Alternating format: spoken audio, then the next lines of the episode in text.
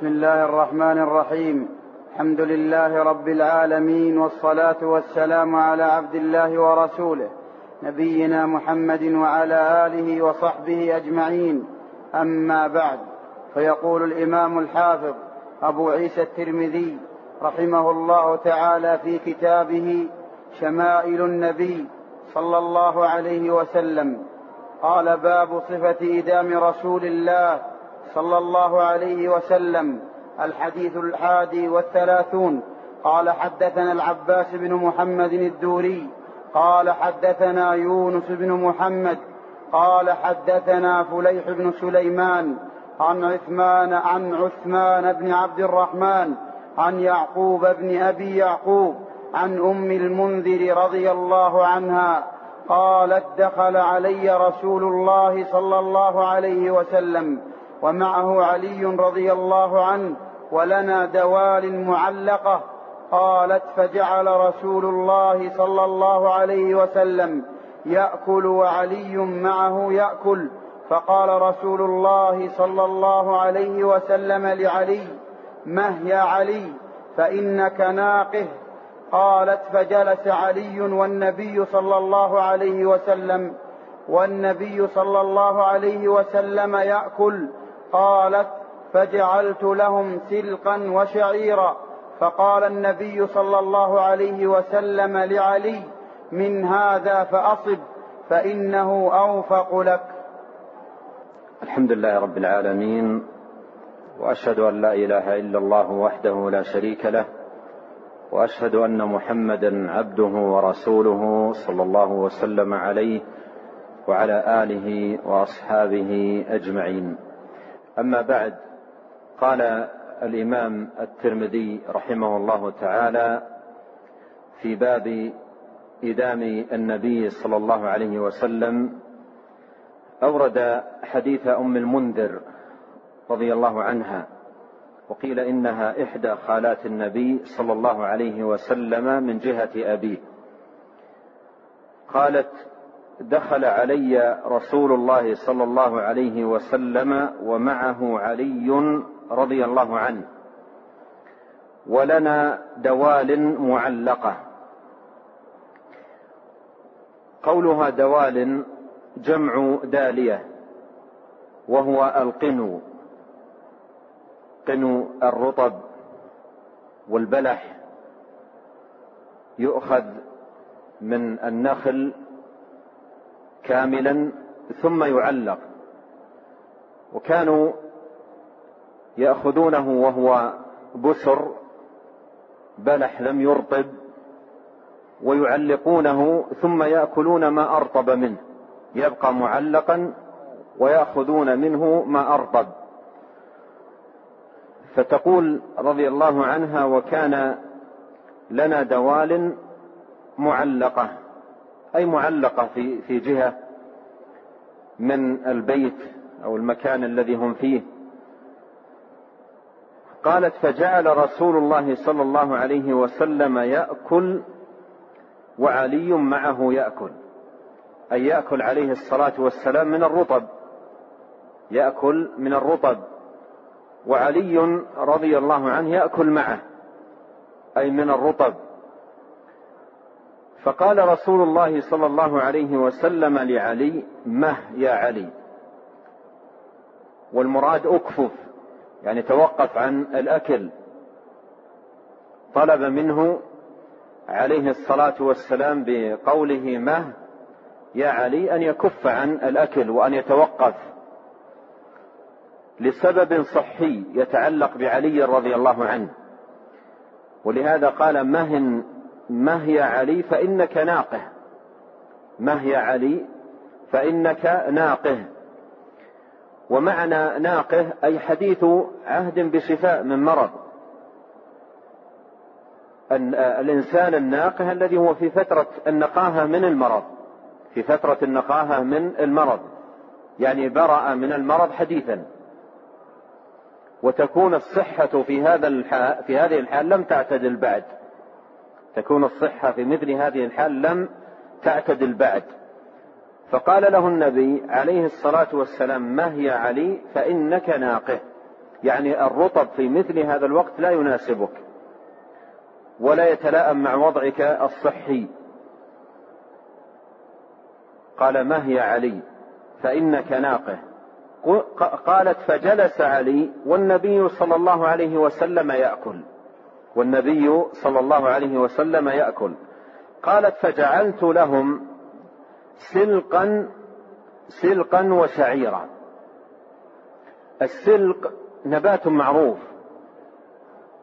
وشبيه نوعا ما بالجرجير ولكنه نبات آخر لكن من حيث الشكل مقارب نوعا ما لكن ورقته أغلظ. وفي الغالب يؤكل مطبوخا. في الغالب يؤكل مطبوخا. وهو متوفر في زماننا ومعروف بهذا الاسم السلك.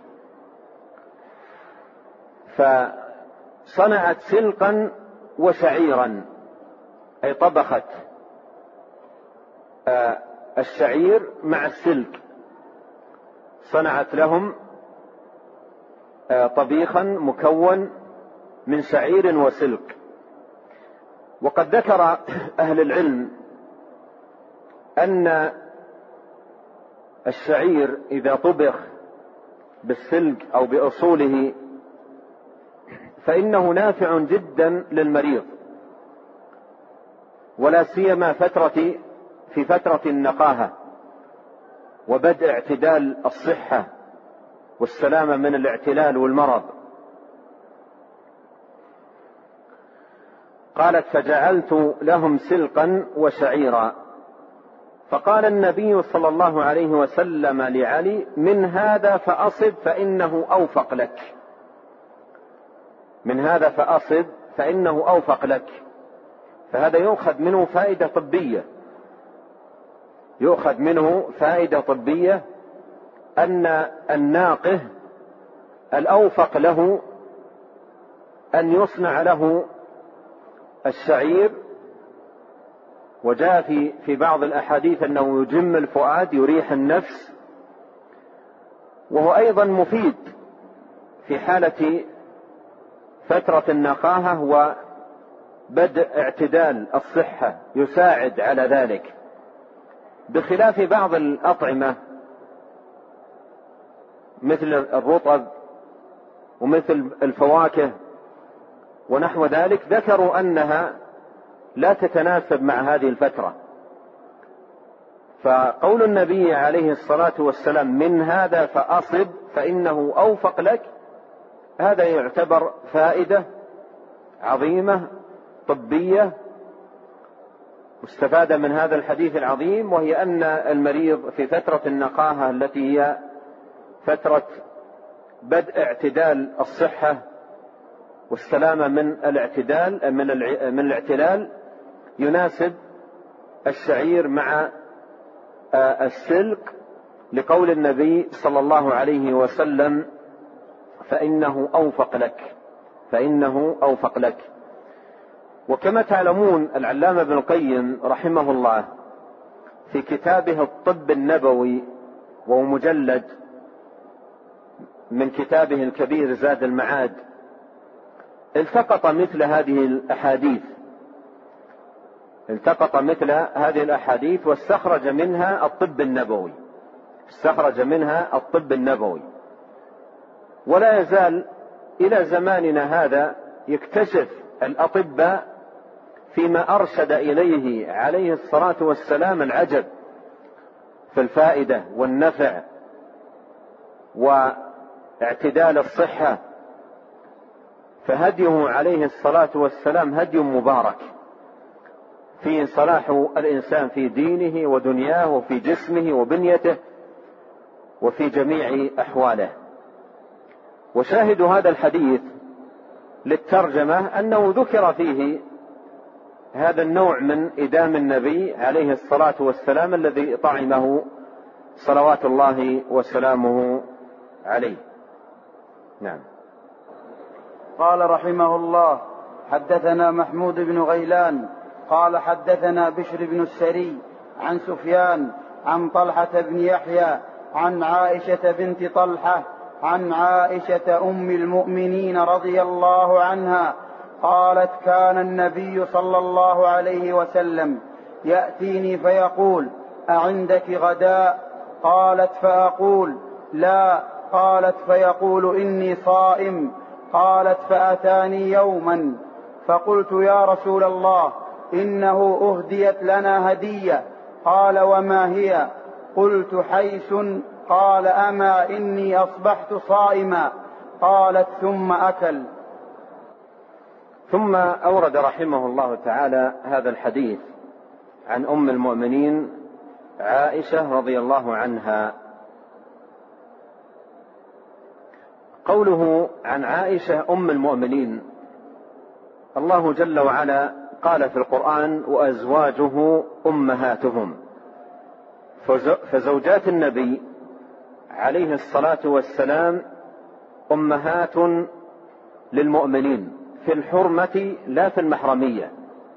ولهذا أمرنا كسائر النساء بالاحتجاب. وإذا سألتموهن متاعا فاسألوهن من وراء حجاب. وقال يا أيها النبي قل لأزواجك وبناتك ونساء المؤمنين يدنين عليهن من جلابيبهن. فهن أمهات للمؤمنين في الحرمة والمكانة. وهذه الاموم وهذه الأمومة أمومة دينية. أمومة دينية. وهي تقتضي الاحترام والتوقير. ومعرفة المكانة والقدر. ولهذا عائشة رضي الله عنها وسائر زوجات النبي عليه الصلاة والسلام أمهات للمؤمنين. والواجب على كل مسلم أن يحترم أمه أشد الاحترام وأن يرعى حقها أشد الرعاية. ولهذا فإن من يقع في أم المؤمنين عائشة فهو في واقع في أعظم العقوق واقع في أعظم العقوق وأشده وانكاه لأنها رضي الله عنها أم للمؤمنين كما قال الله عز وجل وأزواجه أمهاتهم والواجب في حق الأم أن تحترم وأن يعرف لها قدرها وأن ترعى لها حقوقها وأن يكون لها المنزلة والمكانة.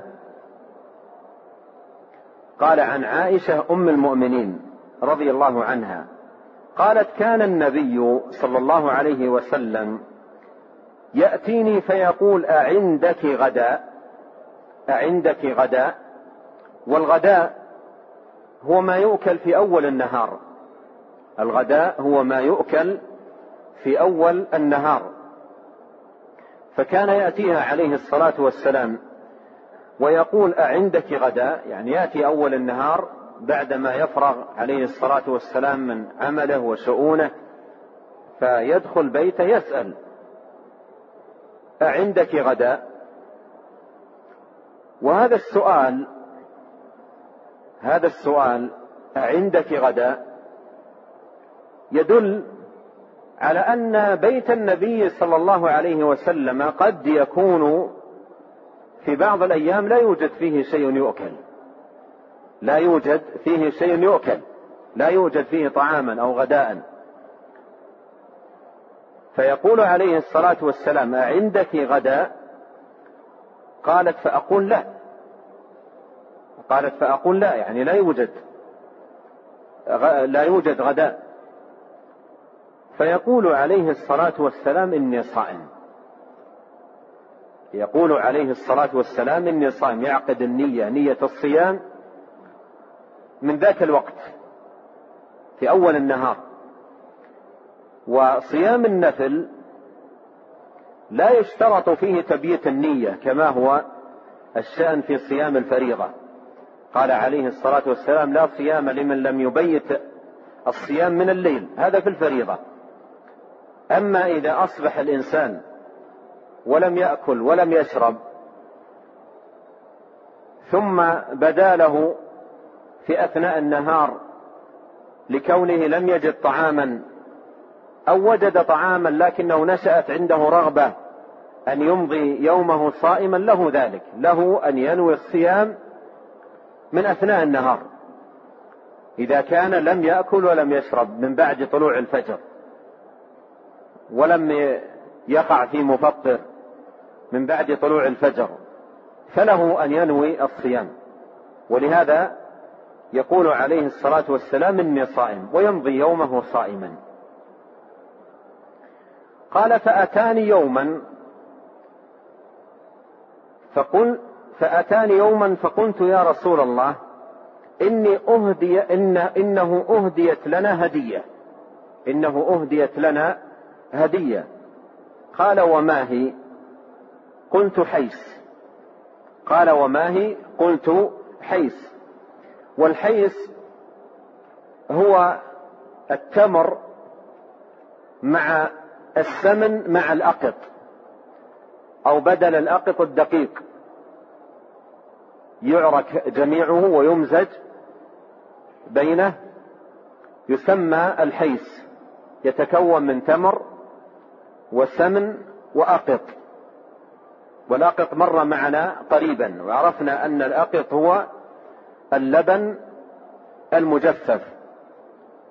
اللبن المجفف بطبخه على النار. يطبخ اللبن على النار إلى أن يجف.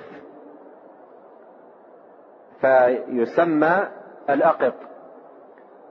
فالحيس يتكون من تمر وسمن وأقط أو من تمر وسمن ودقيق أو من تمر وسمن وفتيت. فتيت الخبز. يفتل الخبز على التمر ويصب عليه قليلا من من السمن ويعرك يمزج بينه.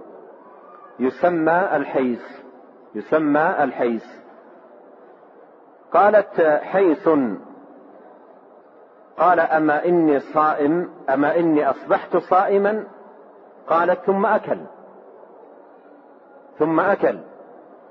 وهذه عكس المسألة الأولى. المسألة الأولى يأتي ولا يجد طعاما ولم ينوي صياما فينوي الصيام. وهنا يأتي للبيت وقد نوى صياما فيجد طعاما فيفطر عليه الصلاة والسلام.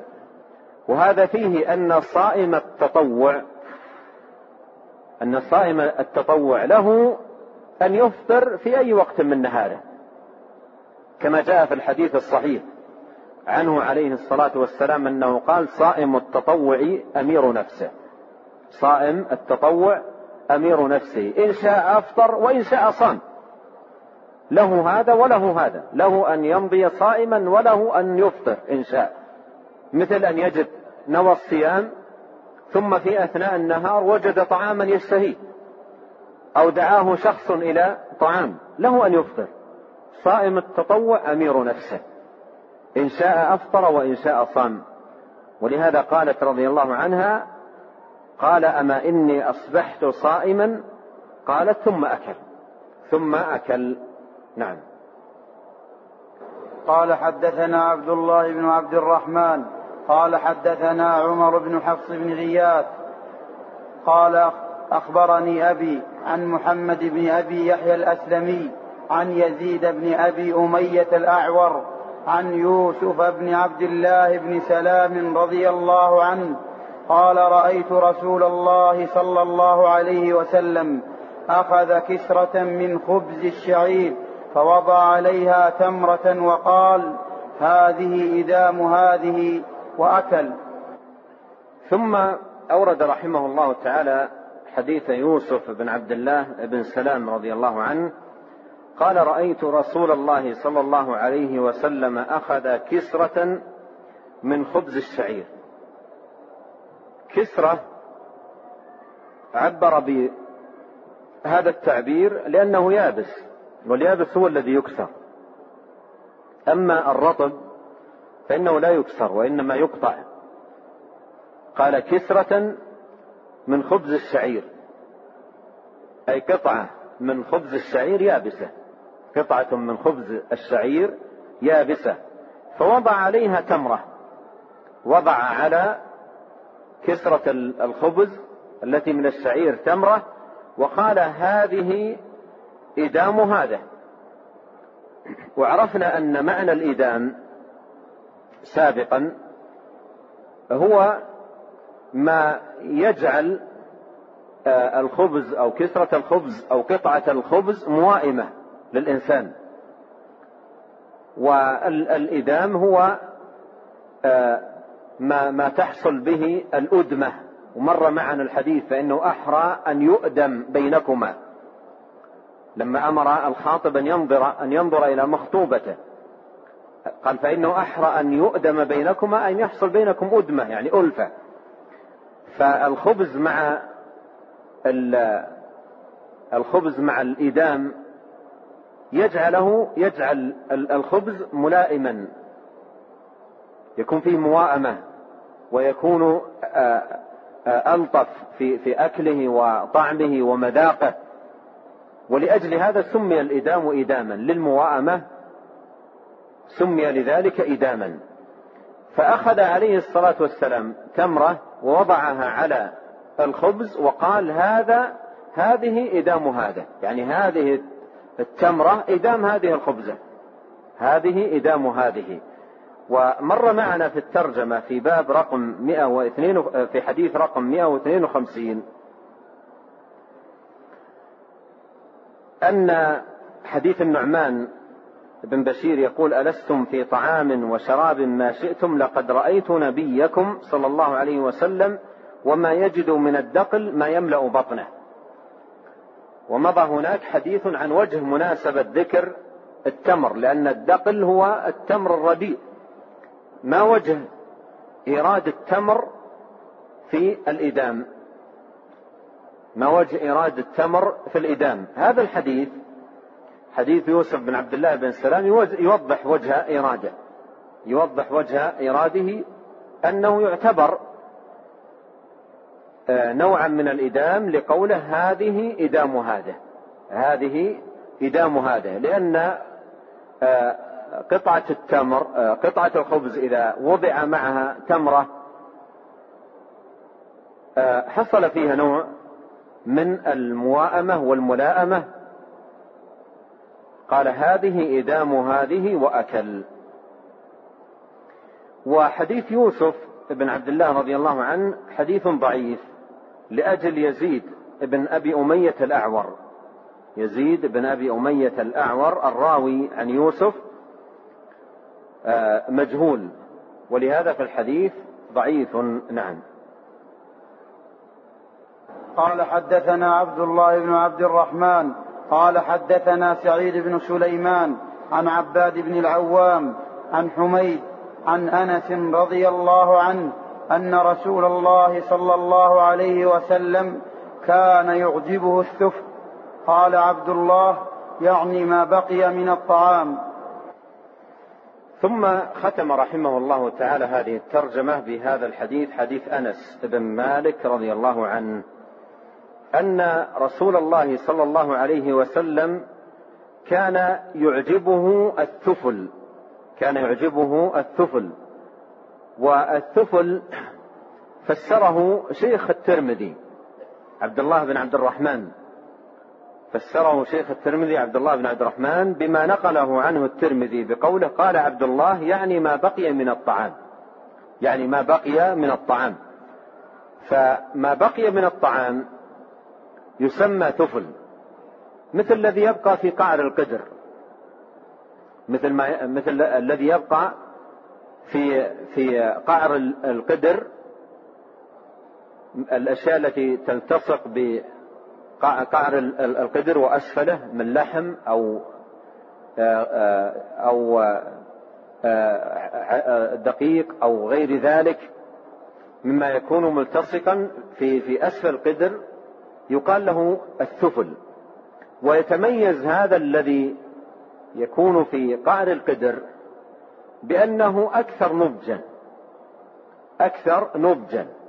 وأحسن أيضا طعما. وأحسن طعما. هذا الذي آه، يتبقى في أسفل القدر. مع أن كثير من الناس ربما لا يعجبه لا ولا يروق له. مع أن فيه صفو. فيه صفو وفيه خلاصة وهو أكثر نضجا. إن كان لحما أو غيره يكون أكثر نضجا من الذي يكون في أعلى القدر. فكان عليه الصلاة والسلام يعجبه التفل. قال عبد الله يعني بن عبد الرحمن شيخ الترمذي أي ما بقي من الطعام أي ما بقي من الطعام.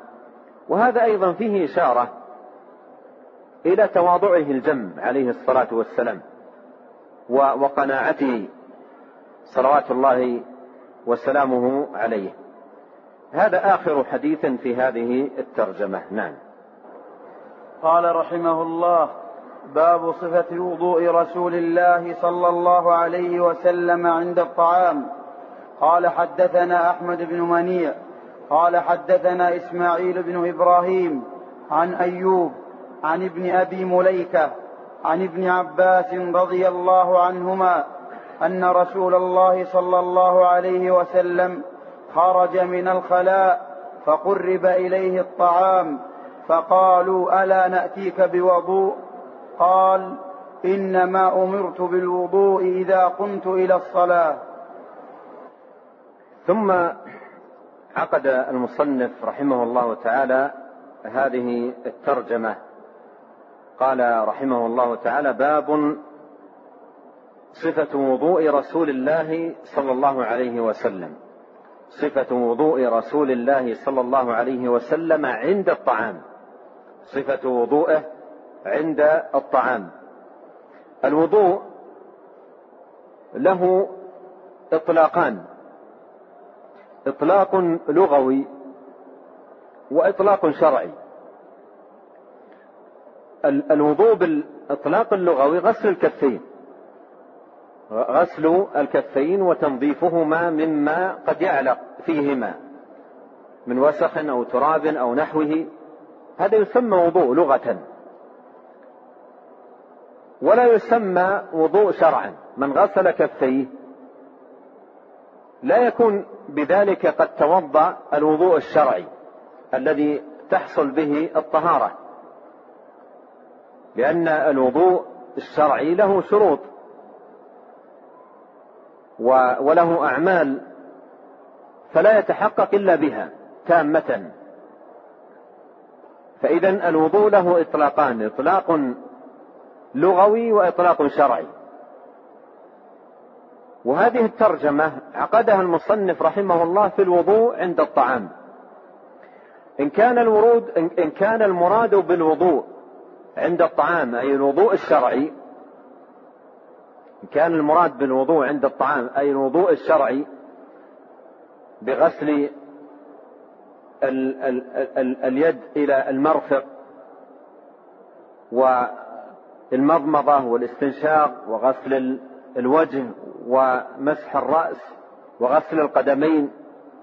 إن كان المراد بالوضوء أي الوضوء الشرعي فهذا ليس بواجب ولا مستحب عند الطعام لا قبله ولا بعده من أجل الطعام. إلا إذا كان أكل لحم الإبل فإنه ناقض لطهارته فيجب عليه إن أراد أن يصلي أن يتوضأ وإن لم يرد أن يصلي لا يلزمه الوضوء لكونه أكل طعاما. لكونه أكل طعاما. فالوضوء الشرعي ليس بواجب ولا مستحب لا قبل الطعام ولا بعد الطعام. لكن الوضوء اللغوي الوضوء اللغوي الذي هو غسل الكفين ما حكمه قبل الطعام وبعده؟ لك أن تقول ما حكم الوضوء ولك أن تقول ما حكم غسل الكفين قبل الطعام وبعد الطعام. وهذا يطلق عليه وضوء لغة. يطلق عليه وضوء لغة. أهل العلم لهم في هذه المسألة غسل الكفين قبل الطعام وبعده قولان معروفان. منهم من يستحب ذلك ومنهم من لا يستحب ذلك. منهم من يستحب ذلك ومنهم من لا يستحب ذلك. منهم من يرى أنه مستحب قبل آه، الطعام وبعد الطعام. ومنهم من يرى أنه ليس مستحبا. ليس مستحبا. لكن إذا كان في يدي الإنسان آه، وسخ أو تراب أو أذى أو نحو ذلك يغسل يديه للنظافة عموم الأدلة.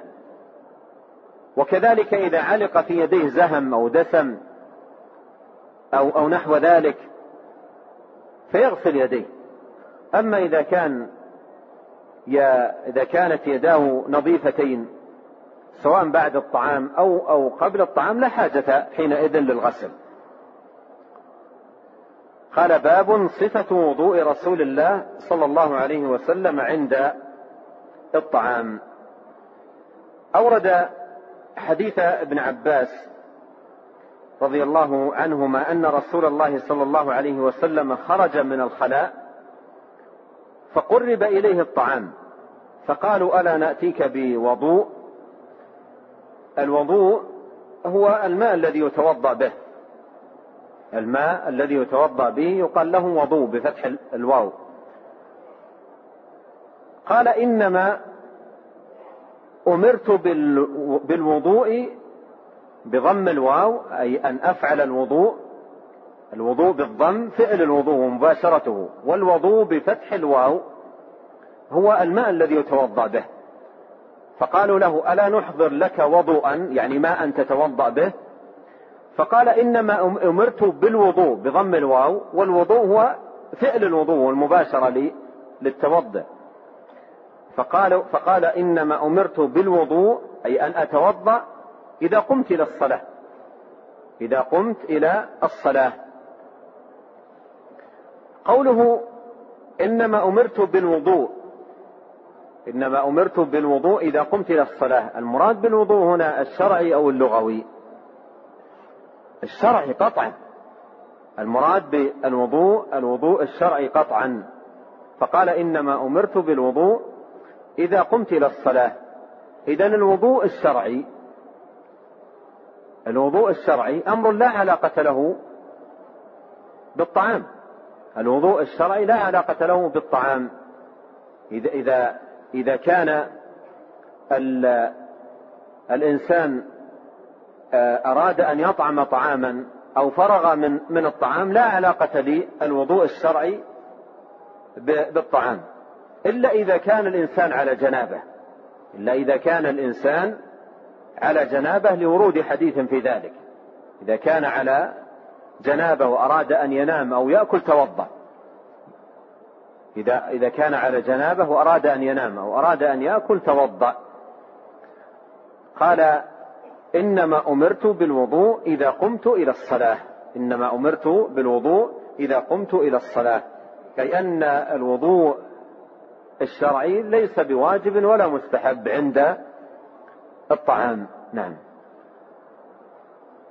قال حدثنا سعيد بن ابن عبد الرحمن المخزومي قال حدثنا سفيان بن عيينة عن عمرو بن دينار عن سعيد بن الحويرث عن ابن عباس رضي الله عنهما قال خرج رسول الله صلى الله عليه وسلم من الغائط فأتي بطعام فقيل له ألا تتوضأ؟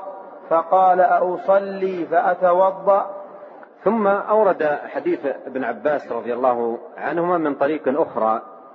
قال خرج رسول الله صلى الله عليه وسلم من الغائط الذي هو مكان قضاء الحاجة فأتي بطعام. فقيل له ألا تتوضأ؟ فقيل له ألا تتوضأ؟ فقال أصلي فأتوضأ. يعني هل أنا أردت أن أصلي حتى أتوضأ؟ بمعنى أن الوضوء لا يكون الوضوء الشرعي لا يكون لإرادة الإنسان تناول الطعام. لا يكون عند إرادة الإنسان تناول الطعام وإنما يكون للصلاة. ولهذا قال أصلي حتى فأتوضأ أصلي فأتوضأ. أي أن الوضوء الشرعي إنما يكون لأجل الصلاة. أما الطعام فلا يستحب فيه أو عنده الوضوء الشرعي ولا يجب؟ نعم.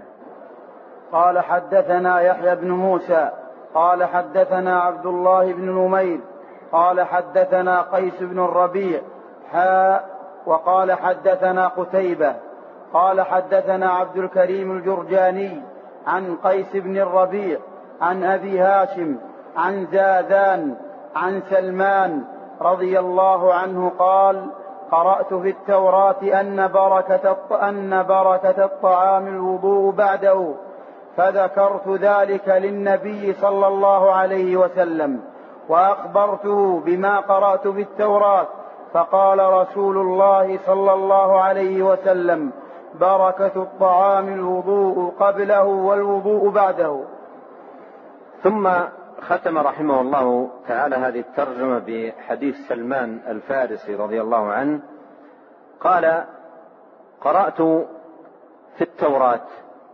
قرأت في التوراة. أن بركة الطعام الوضوء بعده. أن بركة الطعام الوضوء بعده. آه يحتمل والحديث كما سيأتي معنا ضعيف لم يثبت. يحتمل أن سلمان إنما كانت منه هذه القراءة قبل إسلامه. إنما كانت منه هذه القراءة قبل إسلامه. والمسلم لا يحل له النظر في التوراة ولا في الإنجيل ولا في غيرها من الكتب التي جاء القرآن ناسخا لها. فلا يحل النظر إلى تلك الكتب. ولما رأى النبي عليه الصلاة والسلام في يد عمر رضي الله عنه وهو من هو في العلم والفقه؟ قطعة من التوراة. قال أمتهوكون يا ابن الخطاب؟ أمتهوكون يا ابن الخطاب لو كان موسى حيا ما وسعه إلا اتباعي. لو كان موسى حيا ما وسعه إلا اتباعي. وجاء أن عيسى عليه السلام عندما ينزل في آخر الزمان يحكم الناس بالقرآن لا بالإنجيل. فالقرآن ناسخ للكتب الكتب آه، التي قبله. ولهذا لا يحل النظر في التوراة ولا في الإنجيل ولا في غيرها. وخاصة للمبتدئين والعوام وعموم طلاب العلم. لكن العالم الراسخ إذا إذا اقتضى المقام لرد شبهة أو دفع باطل أو بيان فساد معتقد فله ذلك. عندما يريد أن يدحض شبهة عند القوم أو يبين ما فساد ما هم عليه. ومن هذا القبيل قوله قل فأتوا بالتوراة فاتلوها إن كنتم صادقين. يعني إذا كان المقام مقام دفع باطل أو رد شبهة أو بيان فساد نحلة هؤلاء وعقيدتهم أو بيان تناقض ما عندهم وما اعتراه من تحريف وتغيير وتبديل فهذا سائغ. للأئمة الراسخين ولأهل العلم المحققين. أما عامة الناس لا يحل لهم هذا النظر ولا يجوز. قال قرأت في التوراة أن بركة الطعام الوضوء بعده. أن بركة الطعام الوضوء بعده. يعني من أسباب البركة في الطعام أن يتوضأ الإنسان بعده. ومعنى أن يتوضأ بعده أي أن يغسل يديه بعد تناول الطعام. ليس المراد الوضوء الشرعي وإنما المراد غسل اليدين. فقال إن إن من بركة الطعام الوضوء بعده أي أن يغسل يديه بعد الطعام بعد فراغه من من تناول الطعام. قال قرأت في التوراة هذا. فذكرت ذلك للنبي صلى الله عليه وسلم وأخبرته بما قرأت في التوراة. فقال رسول الله صلى الله عليه وسلم بركة الطعام الوضوء قبله والوضوء بعده. بركة الطعام الوضوء قبله والوضوء بعده. يعني من من أسباب البركة في الطعام أن أن تغسل يديك قبل الطعام وأن تغسل يديك بعد الطعام. وأن تغسل يديك بعد الطعام. ولو ثبت الحديث لدل على أن ذلك سنة وأنه مستحب قبل آه، قبل الطعام وبعد الطعام. لكن الحديث غير صحيح غير ثابت. والإمام الترمذي رحمه الله تعالى في كتابه الجامع لما ساق هذا الحديث قال عقبه لا نعرفه إلا من حديث قيس بن الربيع وهو يضعف في الحديث. لا نعرفه إلا من حديث قيس بن الربيع وهو يضعف في الحديث. فالحديث إسناده ضعيف وعلته قيس بن الربيع. علة, الحديث قيس بن الربيع. والإمام أحمد رحمه الله سئل عن هذا الحديث فقال حديث منكر. سئل عن هذا الحديث وقال حديث منكر. وكذلك الإمام أبو حاتم سئل عنه وقال حديث منكر. فالحديث غير ثابت. الحديث غير ثابت. ومسألة غسل اليدين قبل الطعام وبعده إن كان الإنسان جنبا يغسل يديه وإن كان في اليدين ما يستوجب الغسل من تراب أو وسخ ليست ليست نظيفتين فيريد أن يأكل بهما يغسل يديه.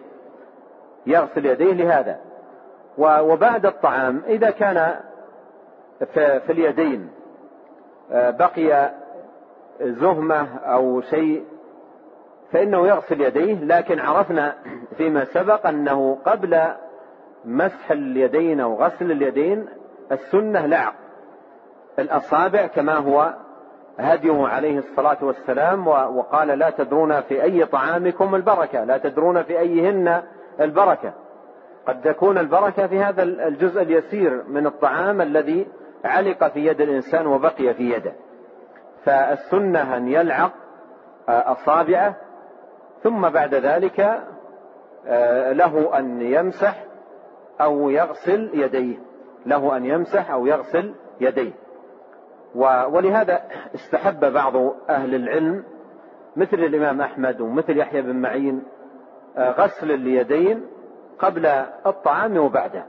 قبل الطعام وبعده.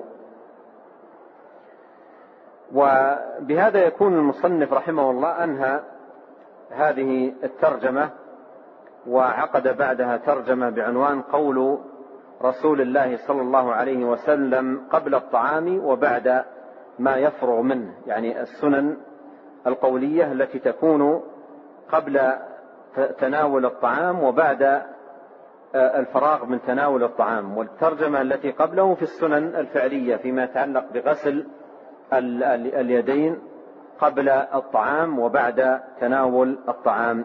ونقف آه، عند هذا الحد. وأحب أن أنبه أن الدرس يتوقف لمدة أربعة أيام. واعود بإذن الله عز وجل للتدريس يوم الأربعاء القادم. وأسأل الله عز وجل العظيم رب العرش العظيم بأسمائه الحسنى وصفاته العلى أن يوفقنا جميعا لما يحبه ويرضاه من سديد الأقوال وصالح الأعمال وأن يصلح لنا شأننا كله وأن يغفر لنا ولوالدينا ولمشايخنا وللمسلمين والمسلمات والمؤمنين والمؤمنات الأحياء منهم والأموات. والله تعالى أعلم وصلى الله وسلم وبارك وأنعم على عبده ورسوله نبينا محمد وآله وصحبه أجمعين. جزاكم الله خيرا وبارك الله فيكم ونفعنا الله بما سمعنا. وغفر الله لنا ولكم وللمسلمين. هذه فائدة شيخ جابر ماذا؟ فائدة حديث جابر كنت طلبت قبل هذا فائدة تتعلق بحديث آه، آه، أكل الخبز بالتمر. فهل أحد من الإخوة أرسل شيئا؟ طيب. هذه فائدة تتعلق بحديث جابر. نعم 179 حديث رقم كم؟ 169 نعم.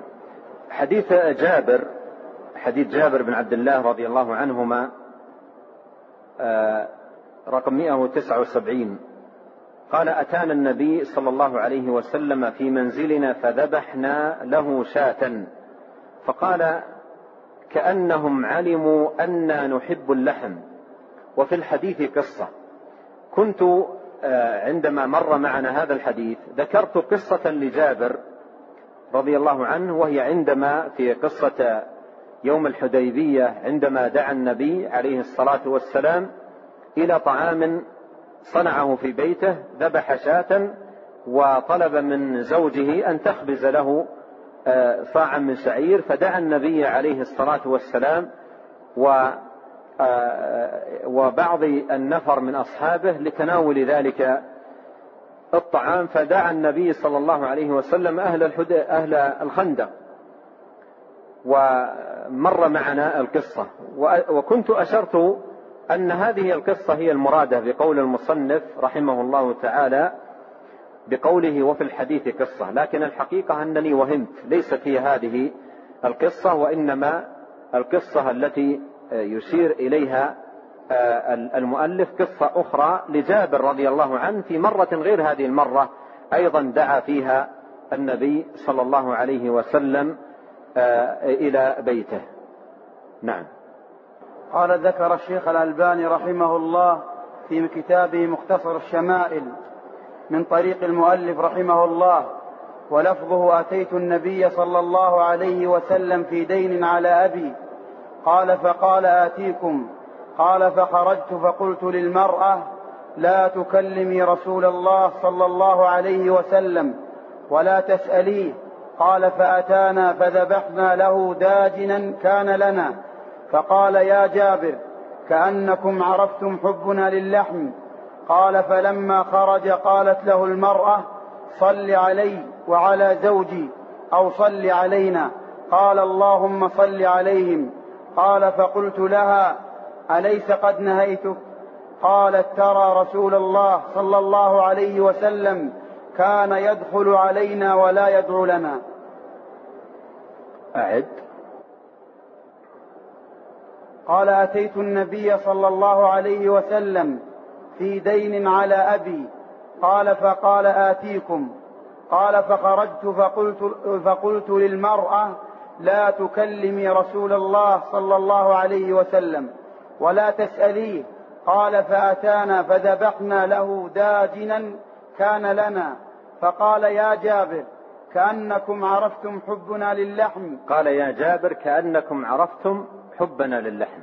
فهذا الذي يتوافق مع القصة للتنصيص على على ذلك. قال كأنكم عرفتم حبنا للحم. وهنا قال أتانا النبي صلى الله عليه وسلم في منزلنا فذبح لنا شاة فقال كأنهم علموا أننا نحب اللحم.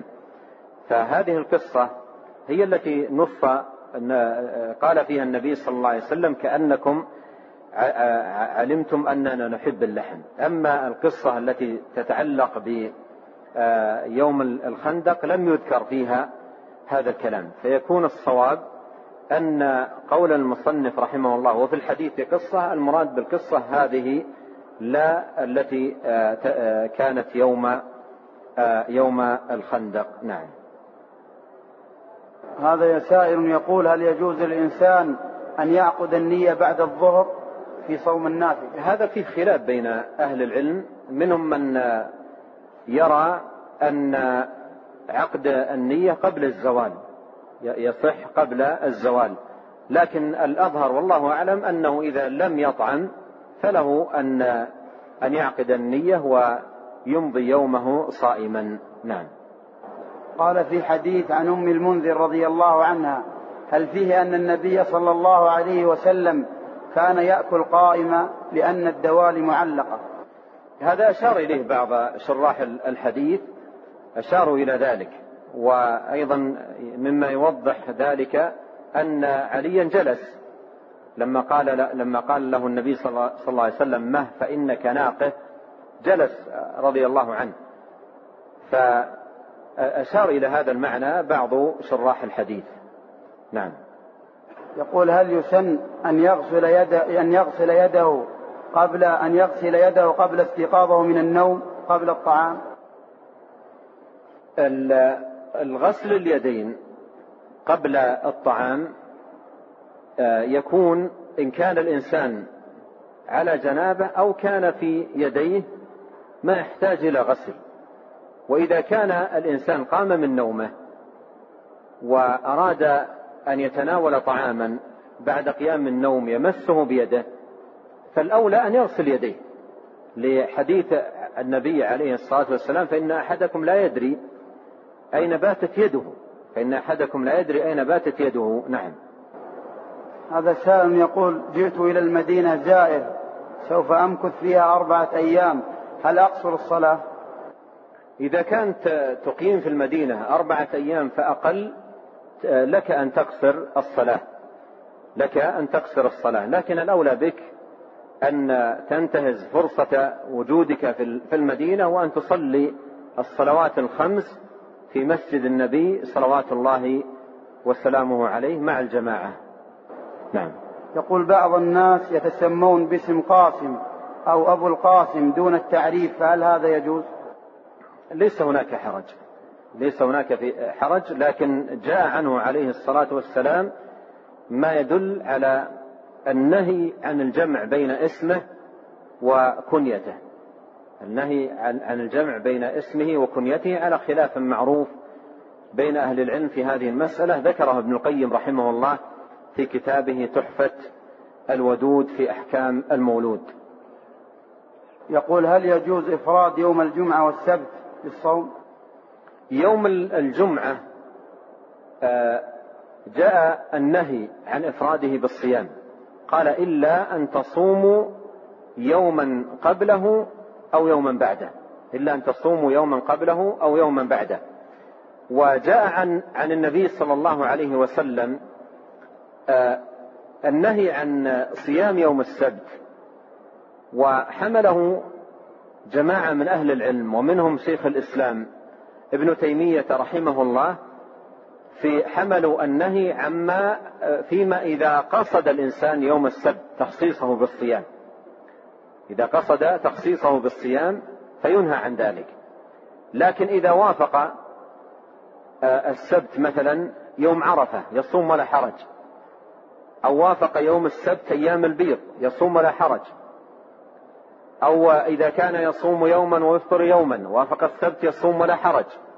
لكن يحمل النهي عن صيام يوم السبت إذا قصده قصد تعيينه وتخصيصه بالصيام. أما إذا جاء اتفاقا فهو لم يقصد السبت وإنما قصد يوم عرفة قصد أيام البيض. فلا حرج في صيامه حينئذ. نعم. هل صح عن النبي صلى الله عليه وسلم النهي عن أكل لحم الأرنب وقال إنها تحيض؟ لا لا لا لم يثبت فيما أعلم حديث عن النبي صلى الله عليه وسلم في أكل لحم الأرنب. ولحم الأرنب من المباحات المباحات من اللحوم المباح أكلها. نعم. يقول ما هي التوسلات المشروعة؟ التوسلات المشروعة ثلاثة. التوسل إلى الله سبحانه وتعالى بأسمائه الحسنى وصفاته العليا وهذه أعظم وسيلة يتوسل إلى الله سبحانه وتعالى بها. ولهذا نراها كثيرا في أدعية القرآن وكذلك في الأدعية المأثورة عن النبي الكريم عليه الصلاة والسلام. تأتي كثيرا أن يتوسل إلى الله عز وجل بأسمائه الحسنى وصفاته العليا. والمناسب في هذا النوع من التوسل أن يتخير من أسماء الله جل وعلا ما يتناسب مع حاجته. ربنا افتح بيننا وبين قومنا بالحق وأنت خير الفاتحين وارزقنا وأنت خير الرازقين. يختار من الأسماء ما يتناسب مع حاجته. لكن إذا جاء بأسماء ليست متناسبة مع الحاجة يحدث ما عبر عنه ابن القيم رحمه الله تعالى بتنافر الكلام فإذا التوسل بأسماء الله جل وعلا وصفاته العليا هذا من أعظم الوسائل في في في باب الدعاء. النوع الثاني من التوسل أن تتوسل إلى الله سبحانه وتعالى بعملك الصالح. أن تتوسل إلى الله عز وجل بعملك الصالح بإيمانك بطاعتك بحبك لشرع الله حبك لنبيه عليه الصلاة والسلام حبك لدينه إلى غير ذلك من أعمالك. وطاعاتك التي تتقرب إلى الله سبحانه وتعالى بها. ربنا إننا سمعنا مناديا ينادي للإيمان أن آمنوا بربكم فآمنا ربنا فاغفر لنا ذنوبنا. فذكر الإيمان توسلا إلى الله. ومثله قول النبي عليه الصلاة والسلام في دعائه والحديث الصحيحين اللهم لك أسلمت وبك آمنت وعليك توكلت وإليك آنبت وبك خاصمت أعوذ بعزتك لا إله إلا أنت أن تضلني. فذكر الإسلام والإيمان والتوكل وغير ذلك من الأعمال الصالحات وسيلة بين يدي دعائه. هذا النوع الثاني من التوسل المشروع النوع الثالث التوسل بدعاء الصالحين الأحياء الحاضرين. صالح حي حاضر عندك. تقابله وأمامك لا حرج. لو قلت له ادعو الله لي. لا حرج لو قلت له ادعو الله لي. وأيضا في هذه الحال عندما تقول له هذه الكلمة تقولها من باب, من باب حصول النفع للجميع. لأن المسلم إذا, دخل إذا دعا لأخيه المسلم قال له الملك ولك بمثل ذلك. ولك بمثل ذلك. فهذه الثلاثة كلها توسلات مشروعة دلت عليها الدلائل في كتاب الله وسنة نبيه صلى الله عليه وسلم ويشملها قول الله سبحانه وتعالى آه، آه، وابتغوا إليه الوسيلة. الوسيلة هي القرب. منه سبحانه وتعالى والقرب منه إنما يكون بفعل ما شرع. وهذه الأنواع الثلاثة من التوسلات كلها توسلات شرعية دلت عليها الدلائل من كتاب الله وسنة نبيه صلى الله عليه وسلم. وما سوى ذلك فهو إما توسل شركي أو بدعي بحسب نوع التوسل. إما توسل شركي أو بدعي نعم. هذا يقول هل إذا طلبت من رجل صالحا يدعو لي أكون قد خالفت قوله صلى الله عليه وسلم ولا يسترقون؟ لا ليست مخالفة لأن الاسترقاء باب آخر. الاسترقاء باب آخر والرقية هي أن يقرأ على المريض وينفث والأولى بالمريض أن يرقي نفسه. الأولى بالمريض أن يرقي نفسه. وكذلك الأولى به أن يدعو لنفسه. الأولى به أن يدعو لنفسه. عاد مطرف بن عبد الله بن الشخير رضي الله رحمه الله تعالى مريضا فقال له المريض ادعو لي. قال ادعو لنفسك. ادعو لنفسك. أمن يجيب المضطر إذا دعا لأن دعوتك لنفسك وأنت مريض دعوة ماذا؟ مضطر. دعوتك وأنت مريض دعوة مضطر ودعوة المضطر شأنه عظيم. أمن يجيب المضطر إذا دعاه ويكشف السوء ويجعلكم خلفاء الأرض أإله مع الله. فالأولى بالإنسان أن أن يدعو نفس أن يدعو لنفسه وأن يرقي نفسه. وينطبق هنا المثل المشهور ما حك جلدك مثل ظفرك عندما تدعو لنفسك وتلح على الله سبحانه وتعالى مناجاتك وإلحاحك لحاجتك ولمطلوبك أشد من دعاء الآخرين لك. نعم. يقول إذا سمى الرجل ابنه عابد هل يعتبر هذا الاسم تزكية؟ عابد آه، من من العبادة وعابد من العبادة وهذا المعنى مطلوب من كل مسلم من كل مسلم أن أن يكون عابدا. لله تبارك وتعالى. فلا يظهر يعني لا يظهر أن هذا نوعا من التزكية لأن هذا أمر أو قدر مطلوب من كل مسلم أن يكون عابدا لله. والتعبيد لله سبحانه وتعالى جاء في الأسماء المعبدة عبد الله وعبد الرحمن إلى آخر هذا كله تعبيد لله جل وعلا. وهذا الأصل في المسلم أنه عبد لله سبحانه وتعالى. يقول من أدرك الصلاة في التشهد وفي في كتب التراجم في كتب التراجم آه، آه، بعض من آه، اسمهم عبد الله يلقبون بإما عباد أو عبادل كما مر معنا قريبا. فمثل هذا ليس ليس من التزكية لأن كون الإنسان عبدا لله تبارك وتعالى هذا هو الأصل. في المسلم نعم. يقول من أدرك الصلاة في التشهد الأخير هل تحسب جماعة أم لا؟ من أهل العلم من يرى أن إدراك الجماعة إنما يكون بإدراك الركوع إنما يكون بإدراك الركوع. لكن من جاء والإمام في التشهد الأخير فالمشروع في حقه أن يصلي مع الإمام فيما أدرك من الصلاة ولو كان في التشهد الأخير. لعموم قوله صلى الله عليه وسلم فما أدركتم فصلوا وما فاتكم فأتموا.